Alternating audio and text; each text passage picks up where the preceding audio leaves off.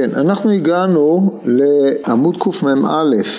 המהר"ל דן בגמרא בפרק שלושה שאכלו, נחזור על הברייתא ונחזור לאיפה שהגענו. תניא רבי אליעזר אומר כל שלא אמר ארץ חמדה טובה ורחבה בברכת הארץ ובמלכות בית דוד בבוני ירושלים לא יצא ידי חובתו. נחום הזקן אומר צריך שיזכור ברית, פליימה אומר צריך שיזכור ברית ותורה שזה ניתן בג' בריתות וזה ניתן בי"ג בריתות צריך שמר הודעה תחילה והסוף.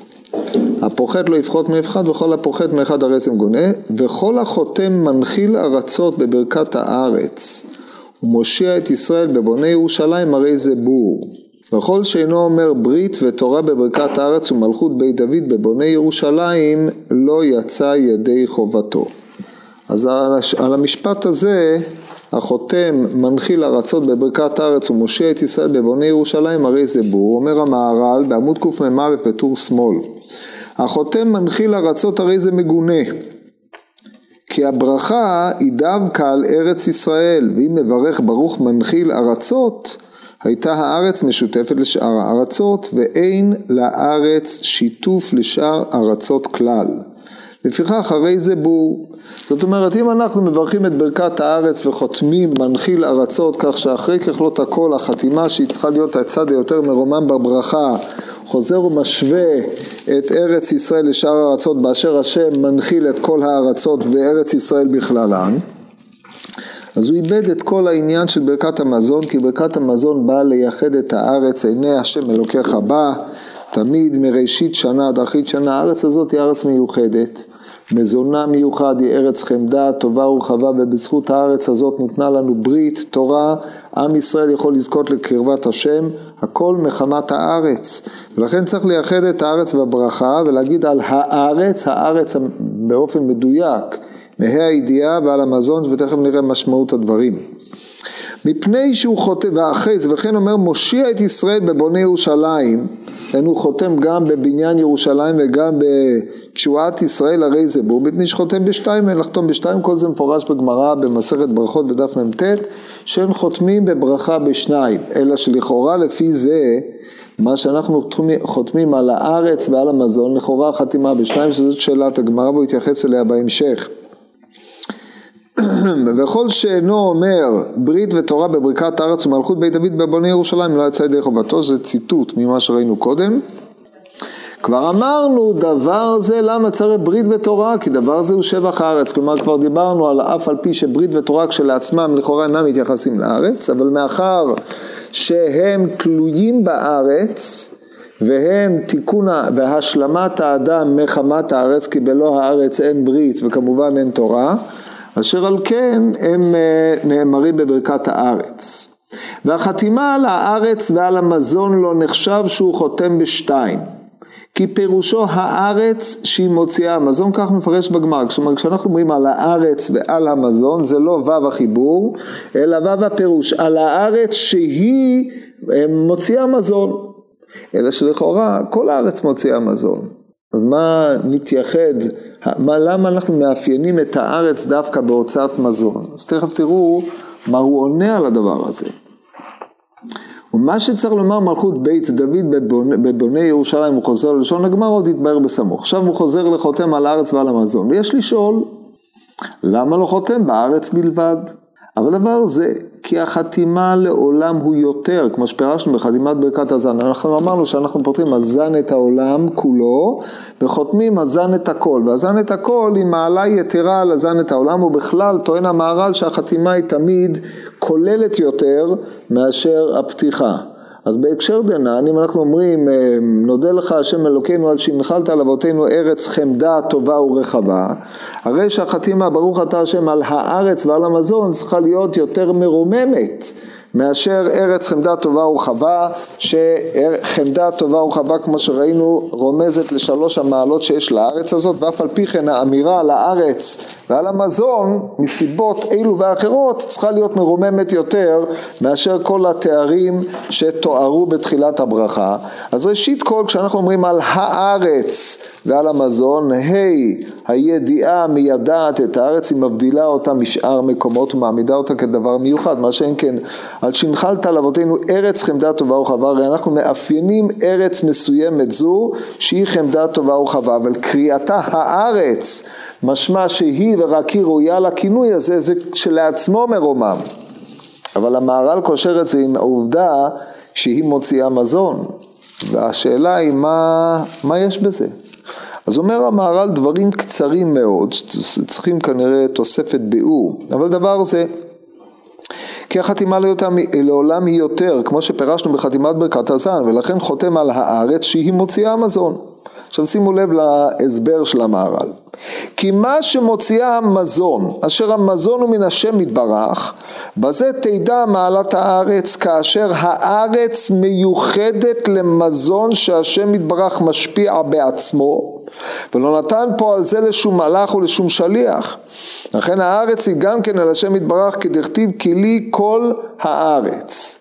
עכשיו על פניו לי כל הארץ מדובר על כל העולם, אומר המהר"ל לא, לי כל הארץ, מדובר על הארץ המיוחדת הזאת, שהיא מיוחדת בהשגחתה מן השם יתברך. כל שאר הארצות ניזונים בהם על ידי מלאך ועל ידי שליח, דהיינו על ידי שבעים אומות או שבעים שרים, אבל הארץ הזאת יש בה השגחה מיוחדת, כאשר עניינה של ההשגחה, אומר המהר"ל, הוא בזה שהמזון שהיא מוציאה מן השם יתברך.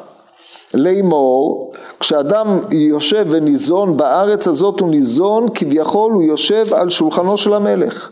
והקדוש ברוך הוא משפיע לו ממזונו הוא ובזה שונה, אף על פי שהאוכל, מה שאנחנו אוכלים פה נראה בדיוק אותו דבר כמו בחוץ לארץ, בפרט אם אתה אוכל בחו"ל את מה שיצאו מארץ ישראל, אז אחרי ככלות הכל, זה אותו דבר אומר המהר"ל, זה לא דומה. אנחנו לא דנים על הצד החומרי של המאכל, אלא מי שניזון, מי שאוכל את ברכת, או אוכל את המזון הארץ מתוך תודעה, שהשם יתברך הוא זה שהשפיע לו את זה, ופה זה דבר ישיר, כמו שאמרנו, עיני השם אלוקיך בא.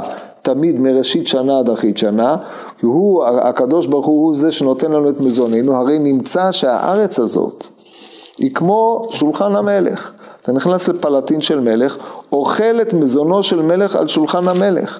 וזה רוממותה, כי כשאנחנו אומרים על הארץ, רחם נאם, נודה לך השם אלוקינו על שנחת על אבותינו ארץ חמדה טובה ורחבה, הרי המונחים חמדה טובה ורחבה הם מונחים יחסיים. יחסית לארצות אחרות, הארץ הזאת חמדה טובה ורחבה, יחסית לארץ הזאת, הארץ הזאת, אה, שאר הארצות, הארץ הזאת היא מזכה אותנו בברית ותורה. אבל כאשר אנחנו מדברים על החתימה, הארץ הזאת היא ורק היא הארץ. במובן הזה שלי כל הארץ, דהיינו השגחת השם היא פה, והמזון, דהיינו מה שאדם ניזון ומתקיים עליה, הוא מתקיים בחסדו של השם יתברך בלבד. בניגוד לשאר הארצות ששם בני אדם מתקיימים מכוח הכוחות הטבעיים, הכוחות uh, uh, של שרי האומות והעמדת הצורך לקיום 70 אומות בעולם. העולם.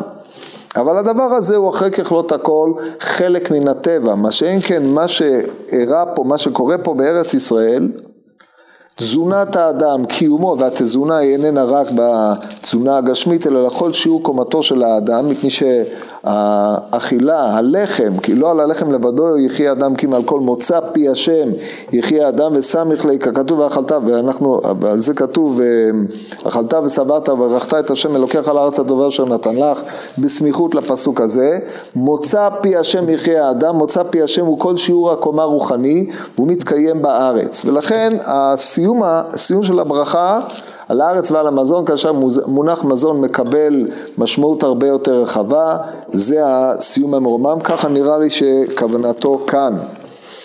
מה עוד שכשהוא מביא את הפסוק כי לי כל הארץ הרי הוא רומז ואתם תהיו לי ממלכת כהנים וגוי קדוש אלה הדברים אשר תדבר על בני ישראל זה מה שכתוב שם. סגולה מכל העמים אם כן היותנו ממלכת כהנים וגוי קדוש זה משום היותנו יושבים בארץ וניזונים בחסדו. אז עד כאן ברכת אה, על הארץ ועל המזון הברכה השנייה ברכת נודה. עכשיו אנחנו עוברים לברכה השלישית. ברכה השלישית רחם השם אלוקינו, כבר אמרנו מפני מה תקנו ברכה זו בברכת המזון, הרי לכאורה אנחנו מיצינו את כל מה שהיה צריך לומר, אנחנו אמרנו ברכת הזן, ועכשיו אנחנו מברכים את ברכת הארץ, מה תוספת יש בברכת רחם? אז המהר"ל הסביר קודם שיש לנו שלושה דברים, יש לנו את החסר, השלמת החסר זה ברכת הזן, אחרי זה את הארץ, שזה השלמת העם באשר יש לו ארץ, והדבר השלישי זה ברכת אה, בוני ירושלים, שהיא השלמת האומה. והשלמת העולם, באשר בית המקדש היא השלמת העולם, דהיינו המקום שבו מתייחדים עליונים ותחתונים.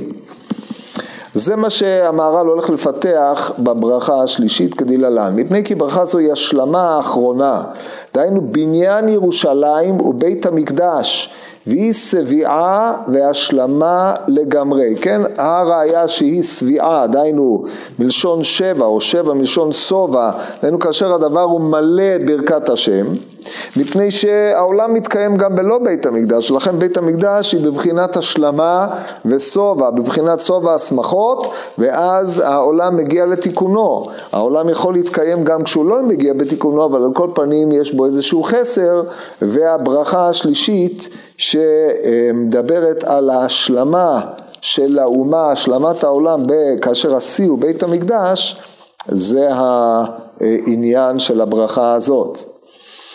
מפני כן, דהיינו מאחר שהברכה הזאת היא השלמה, מזכיר בה אבינו מלכנו. עכשיו שימו לב, אנחנו אומרים, רחם נא השם אלוקינו על ישראל עמך, ועל ירושלים עירך, ועל ציון משכן כבודיך, ועל מלכות בית דוד משכך, ועל הבית הגדול והקדוש שנקרא שמך. ויש לנו סדר, ישראל עמך, אנחנו מבקשים רחמים, ירושלים, ציון, זה השלמת המקום, ירושלים וציון זה מקום השכינה, מלכות בית דוד שזה השלמת ישראל, כי הרי עמה בלא תגה זה עם חסר ותגה בלא עמה זה לא כלום, והשיא של הכל על הבית הגדול והקדוש שנקרא שמך עליו. בזה שיעור הקומה שלם. זה אנחנו פותחים בזה, רחם.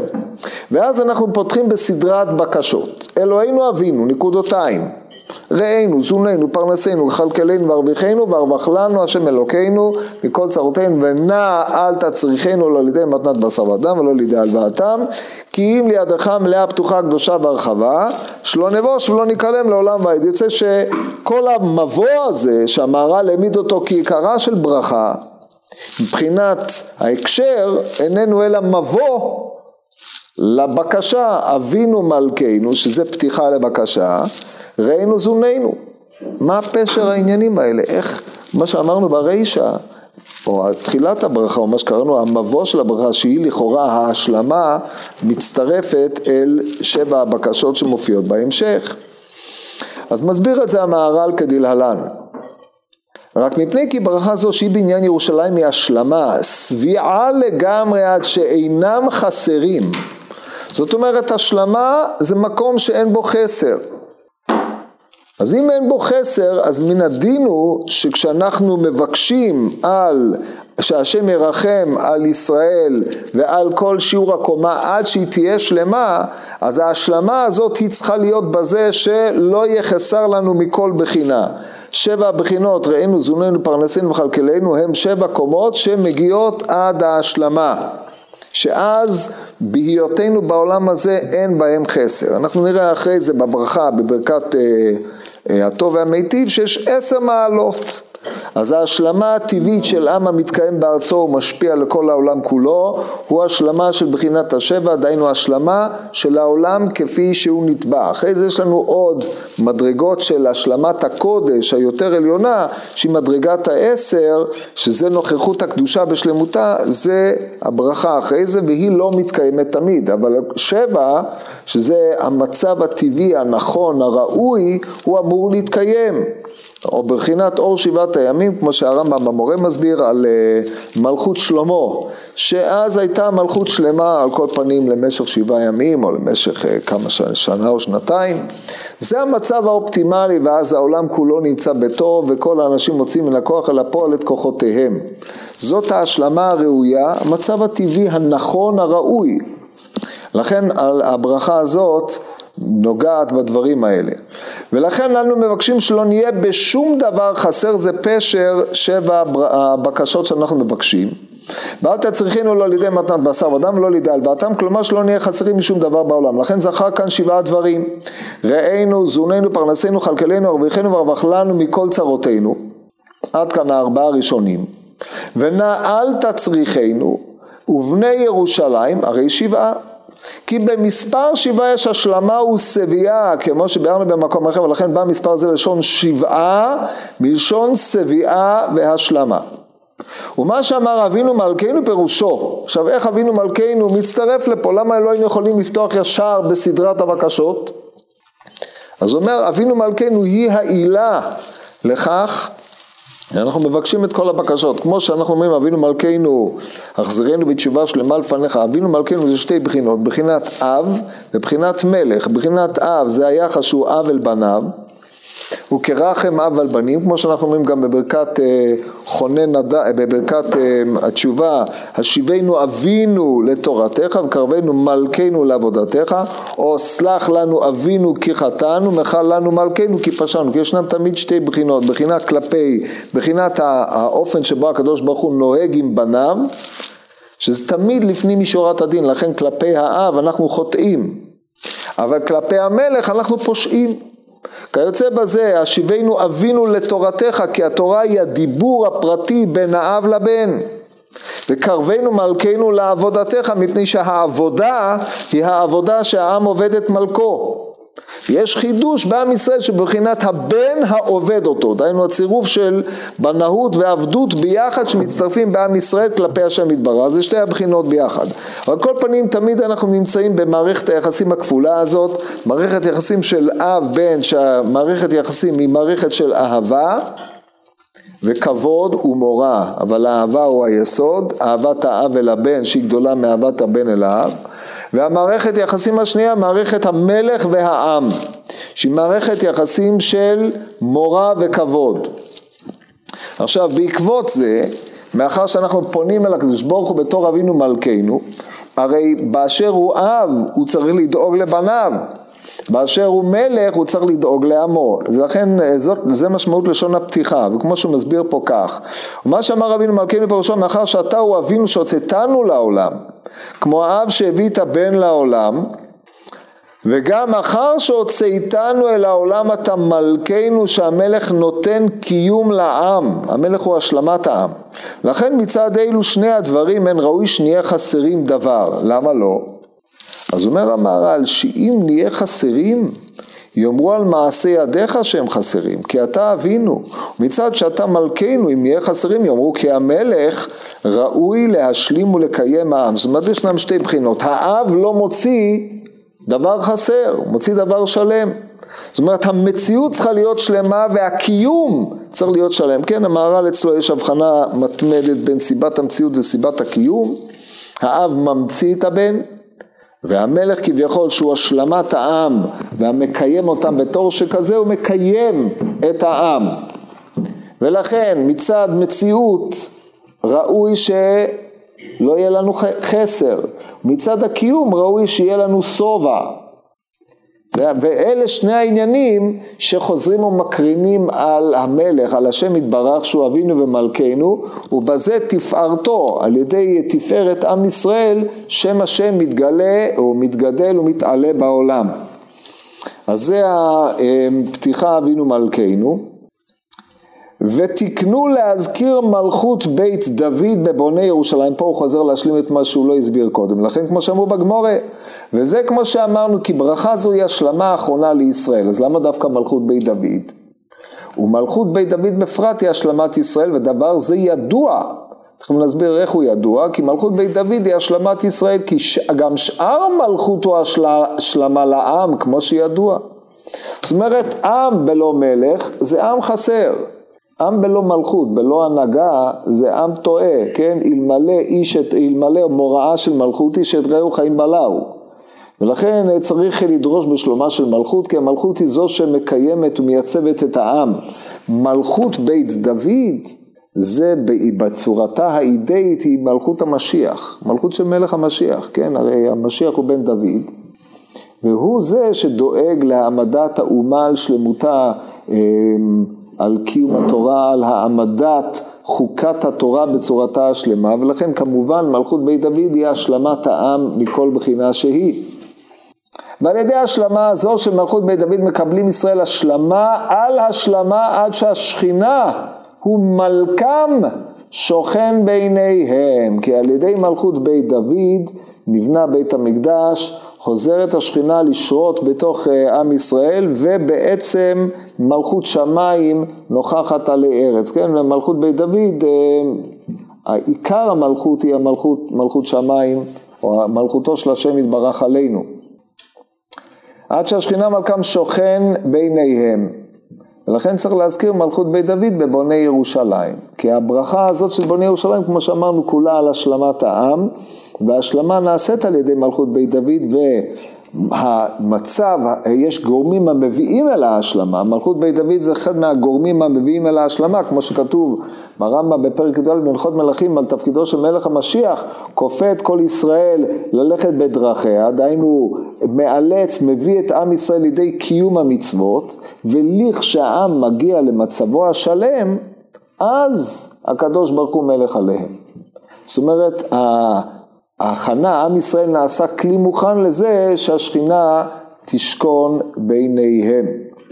ולכן אנחנו מזכירים את מלכות בית דוד בבוני ירושלים כי זה בתהליך ההשלמה, אבל היות השם מלכם הוא רק בא אחרי אותה השלמה. ומה שאנו אומרים ראינו זוננו, כך אנחנו אומרים זוננו בקובוץ עם דגש בנון, כן, היה, היו כאלה שאומרים זננו, אז אה, עכשיו המהר"ל מתייחס פה לבעיה לשונית. מה שאנו אומרים, ראינו זוננו הזין, או פה הוא קורא לזה זננו, הזין בחטף, חטף אצלו זה שווה, על דבר זה קראי בן עזרא תגר מאוד והעריך בדבריו בפירוש שלו לקהלת. כן, אנחנו ראינו את זה בשיעורים הקודמים, שנה שעברה בקהלת פרק ה', האבן עזרא בפתיחתו זה דבר שחובה לקרוא אותו, הוא תוקף בחריפות את ה...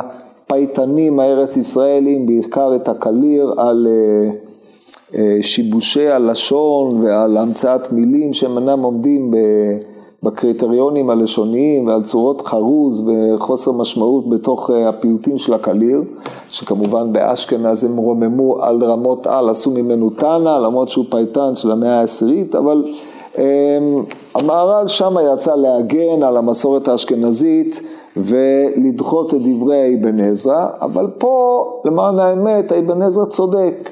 זאת אומרת, זה לא שהקליר אמר זננו בשבא, אבל אה, אבן עזרא תקף את האומרים, כן, שכנראה היו אנשים באשכנז, שלדעת אבן עזרא לא ידעו עברית, והטענה היא פשוטה, יש לנו שני, אה, בפועל זין נון, יש לנו שני אה, בניינים, או שזה בניין של עין ו', דהיינו השורש הוא זון, כמו שוב, ואז אנחנו צריכים לומר זוננו כמו שובנו, קומנו וכיוצא בזה, או שאז יש תשלום דגש במם, או שהשורש הוא מהנחי ל"ה, ואז השורש הוא זנה כמו בנה, ואז אנחנו אומרים בנינו או זננו, זה מה שצריך להיות.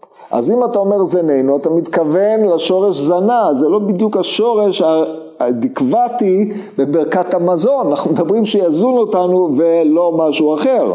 ולכן אומר האבן עזרא, מה אתם אומרים? זה הרי דברי, אה, זה, זה שערורייה, זה דברי אה, אה, הבל. לכן אומר, ואומר על זה המהר"ל, שורש המילה אינו, כך רק שורש המילה זון מנחי העין, כמו שוב שגם הוא מנחי העין, ויאמר שובנו אלוהי אישנו, הוא מין שוב, ולכן צריך לומר זוננו בנקודה, שקוראים האשכנזים מולפום, מולפום זה הקובוץ, אה, השורוק. ובאמת כאשר עמדתי על דקדוק הלשון, נהגתי לומר זוננו, כלומר כאשר המהר"ל הגיע להבנת אה, חוקי הלשון, שינה את מנהגו, ומשם הנהיג לומר זוננו, כמו שאנחנו אומרים היום. אמנם אם היה נמצא בנוסחאות ישנות הזין בחטף, חטף בהקשר הזה זה שווה, אני אומר שאין לשנות אם נמצא כך בנוסחאות ישנות. שכך כבר אה, קרא תגר על הפיוט גם כן כמו שנדבר למעלה באריכות ואין שם. זאת אומרת, יש להם על מי לסמוך. הוא לא מסביר איך מצדיקים את זה, כמו שהוא הצדיק שם רק מקצת מהשיבושים שלדעת אבן עזרא היו שיבושים אצל הפייטן, אבל אומר, יש למסורת אשכנז הקדומה תמיד שורשים הבהררי קוידש, אין לערער על הדברים האלה, זה מסורת אשכנז המקודשת, ואומנם אני, שאני מכיר את תורת הלשון, אני פועל לפי חוקי הלשון, אבל מי שלא, כנראה שיש להם אה, אי אילו עניינים אחרים, סתם ולא פירש, ואנחנו היום לדעתי כולם אומרים עם אה, זוננו, כן, קובוץ. טוב, עכשיו אנחנו עוברים לשבת. עכשיו אנחנו בשבת, אני לא יודע איך זה אצל הספרדים, אבל אצל האשכנזים פותחים ברחם. עכשיו הגמרא, מסכת ברכות, אומרת, אה, בדף מ"ט, היא אומרת שאתה פותח, בשבת אתה פותח בנחם וחותם בנחם ואומר קדושת היום באמצע.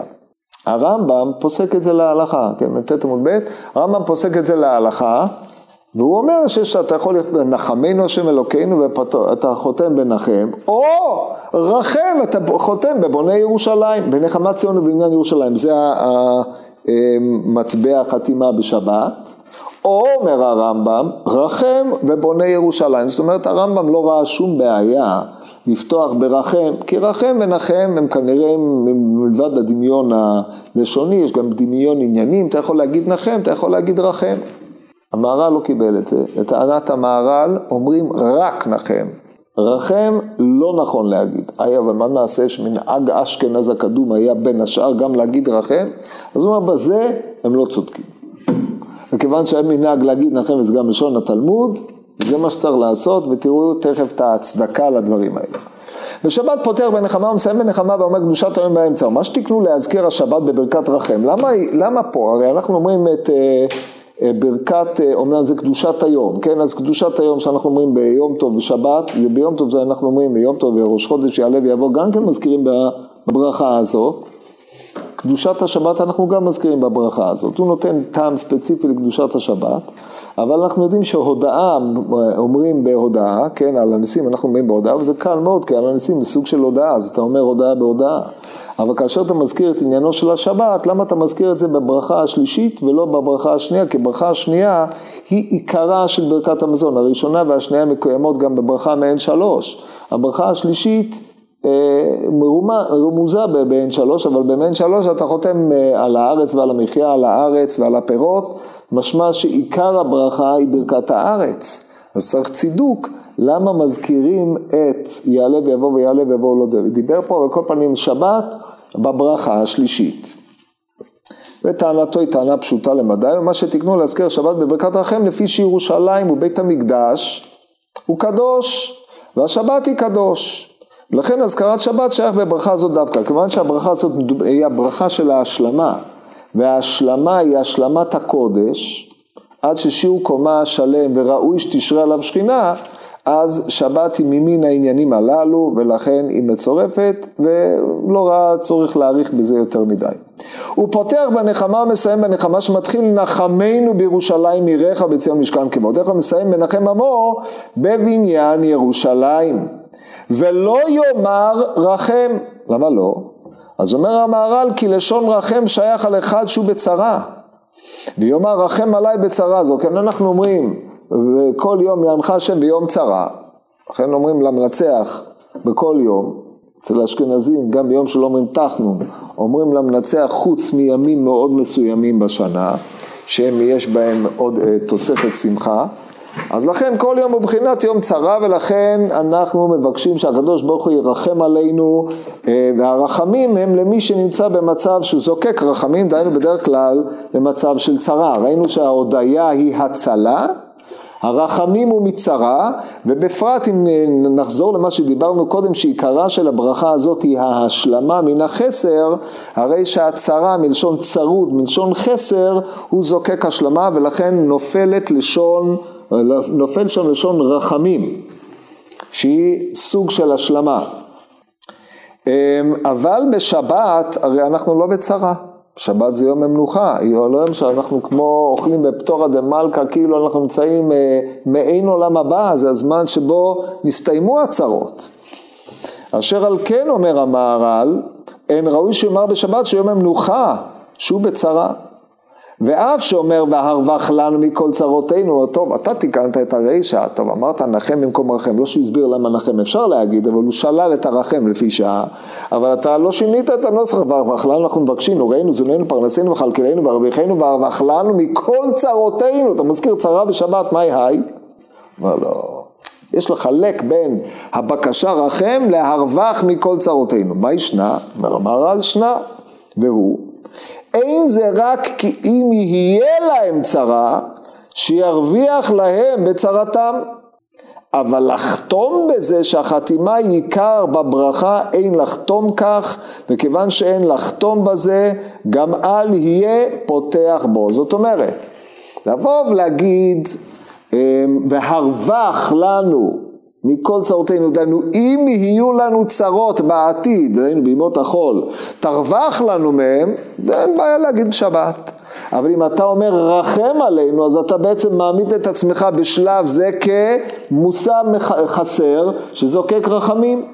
אז לא מבעיה שאתה לא יכול לחתום ברחם, מרחם ציון ובונה ירושלים, כמו על, על משקל מנחם ציון ובונה ירושלים, אתה גם לא פותח ברחם, מפני שאז אתה מעמיד את עצמך לפי שעה ביום השבת כחסר. זאת טענת המהר"ל ביחס לזה. טוב, אז יפה, אז עד כאן מוסבר למה לא רחם, ולמה כן נחם.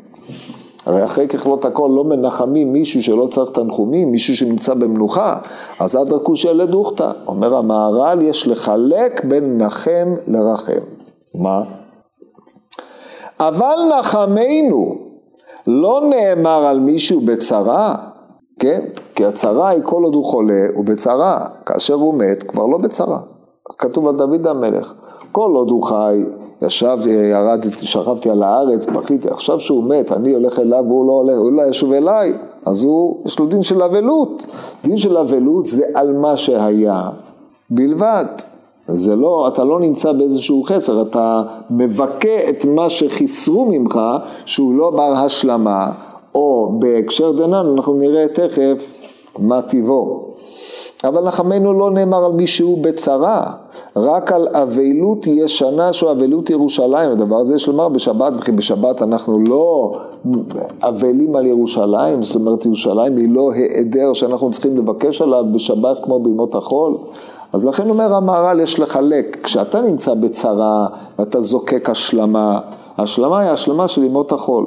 אבל כאשר אתה מדבר על העובדה שעם ישראל לא נמצא במצבו האידאי, דהיינו חסרון בית המקדש, שהיא אבלות ישנה, על אבלות ישנה אתה יכול לבקש בשבת, והחילוק בין צרכי האדם, ראינו, זוננו, פרנסנו וכלכלנו, כאשר אנחנו אומרים רחם, דהיינו אנחנו חסרים, שונה מאשר אה, ריבונו של עולם, אנחנו מבקשים ממך שייבנה בית המקדש במהרה בימינו, שלהרי גם את זה, זאת אומרת חוץ מהגר"א שלא אומרת יהי רצון, אם אנחנו אומרים גם יהי רצון, מי שאומר בסוף הקורבנות, אחרי, אה, אחרי אה, תנא דבר בשמואל, 13 מידות התורה נדרשת, אומר רצון ואומר שיבנה בית המקדש במהרה בימינו ונחלקנו את תורתך, אומרים את זה בשבת.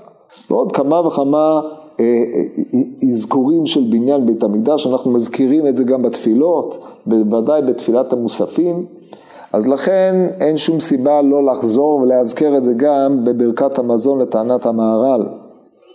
אבל רחם הלשון הזה משמע על מישהו בצרה, דבר זה אין להזכיר בשבת כלל. ואותם אומרים בשבת ברחם, וסומכים על אותם דעות, שאומרים כי אין חילוק בין רחם ובין רחם, ובין השאר זה הרמב"ם, כמו שאמרתי לכם קודם, אין זה ראוי, כי חילוק גדול יש בין רחם ובין נחם למבין, ועם הדבר רחם. כן, אני כמו שאמרתי, אני לא יודע, לא בדקתי את הנוסחים הספרדיים, אבל אני מניח ש... מה אתם אומרים? רחם. אז טוב, זהו. כאילו, אתה לא אומר את הפתיחה בגלל הסוף, נכון? זה עד כדי כך חזק בשביל לעקור מנהג? זה לא, זה לשון הש"ס.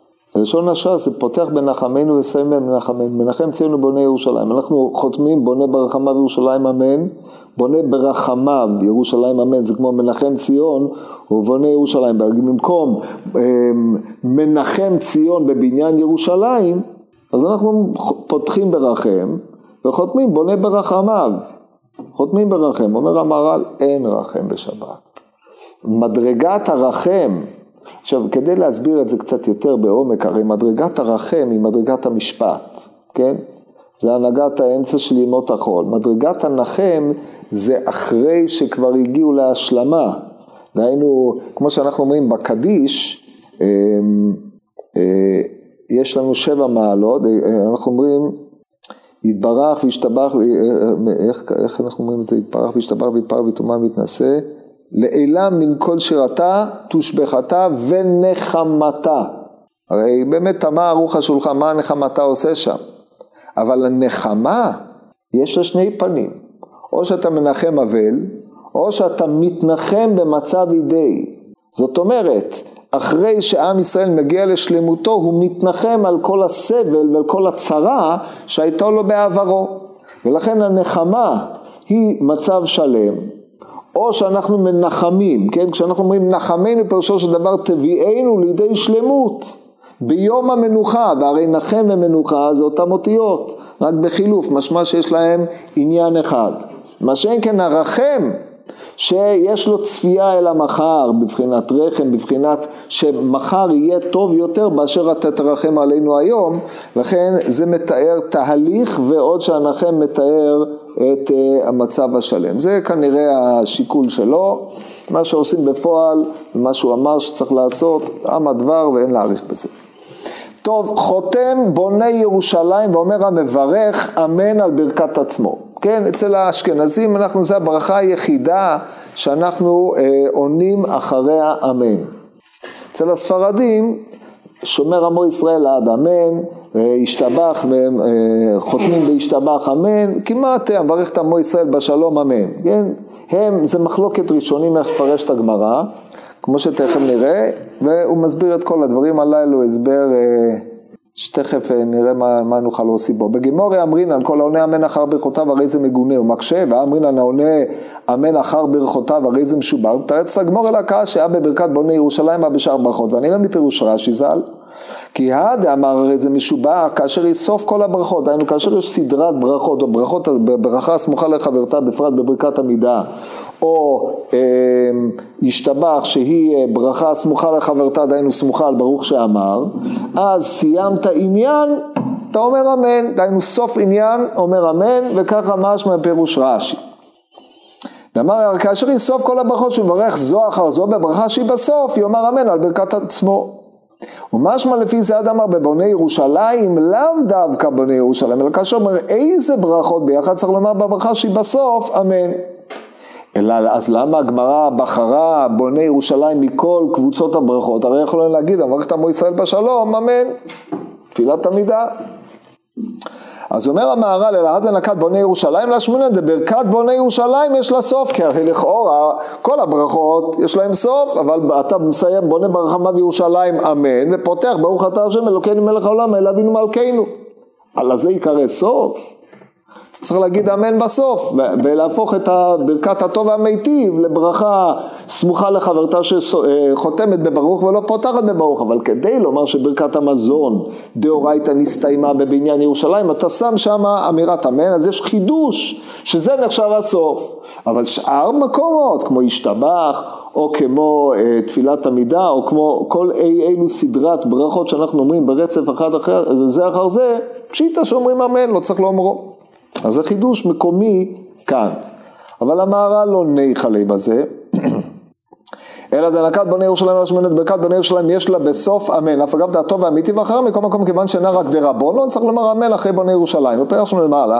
עכשיו המהר"ל חוזר למה שהוא פירש בעמוד קי"א פה בספר, שם הוא הפליג במעלת האמן ודיברנו על זה אז בזמנו כשהיינו שם, מדרגתה, היחס בין המברך לבין העונה אמן. העונה אמן מעלתו גדולה מאוד, מפני שהוא מאמן את דברי המברך על השם יתברך. כביכול הוא מגיע למדרגת האמונה, שהיא מדרגה אה, גבוהה יותר מאשר המברך, שהוא רק מתאר את פועלו של השם בעולם. הוא אומר, אני מאמין הוא בוטח בהשם יתברך שהוא מקיים את כל הדברים האלה. והמגיע והבוטח במעלת האמונה, מעלתו יתרה. לכן גדול העונה אמן יותר מן המברך. והוא הדין עכשיו לגבי אה, העונה אמן אחרי ברכת בוני ירושלים דווקא. אה, גדול העונה אמן יותר מן המברך, וכך דווקא עונה אמן, כי העונה הוא תמיד מוסיף על הראשון כמו שהתברר למעלה, ולא המברך עצמו. והעונה אמן אחי ברכת עצמו, הרי זה בור, כי מה, איך אדם יכול להוסיף על דברי עצמו? במה דברים אמורים כאשר הברכה היא ברכה סתם, אבל כאשר הברכה מסיימת דבר מה, אז הבא, האמן הבא אחריה הוא אמן על כללות הברכות ועל הסיום, ולא על הברכה המסוימת הזאת, ובעזרת השם בפעם הבאה נסביר את הדברים הללו ביתר אריכות.